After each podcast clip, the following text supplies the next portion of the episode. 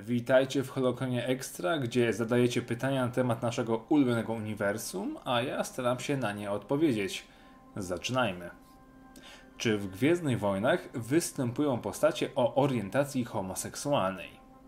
Przez wiele lat był to temat tabu i odległa galaktyka była mocno heteroseksualna, ale i to zaczęło się zmieniać. W legendach pojawia się dosłownie kilka postaci o innej niż heteroseksualnej orientacji, na przykład Goran Bevin i Medrit Vasur, komandosi Mando, których do życia powołała Karen Travis.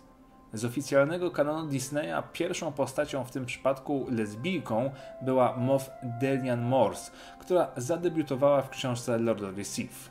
W filmowym świecie także ma się pojawić osoba o homoseksualnej orientacji.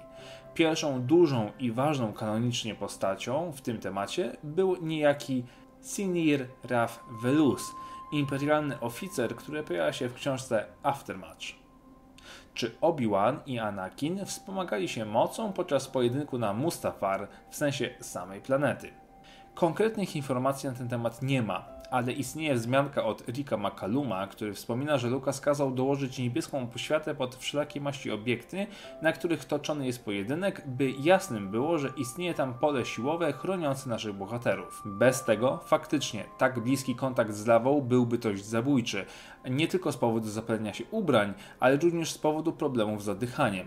Kwestia jednak nie zostaje do końca wytłumaczona. Dlaczego Vader nie wyczuwał w mocy swojego potomstwa?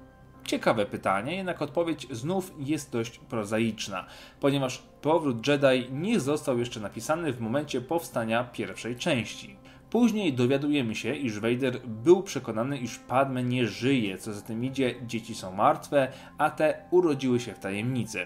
Prawda jest jednak taka, że biorąc pod uwagę logikę Gwiezdnych Wojen, jest to kolejny fuck up ze strony scenopisarstwa Lucasa. Dlaczego niektóre miecze świetlne odpalają się natychmiast, a inne wolniej? Kolejne pytanie, na którego temat fandom ma wiele odpowiedzi, ale żadnej konkretnej.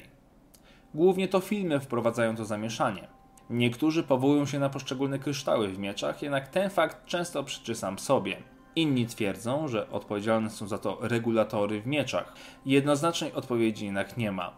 Ja osobiście twierdzę, że odpowiedzialny jest za to klimat, w jakich ktoś odpala miecz świetlny czy Darth Maul potrafił posługiwać się błyskawicami mocy.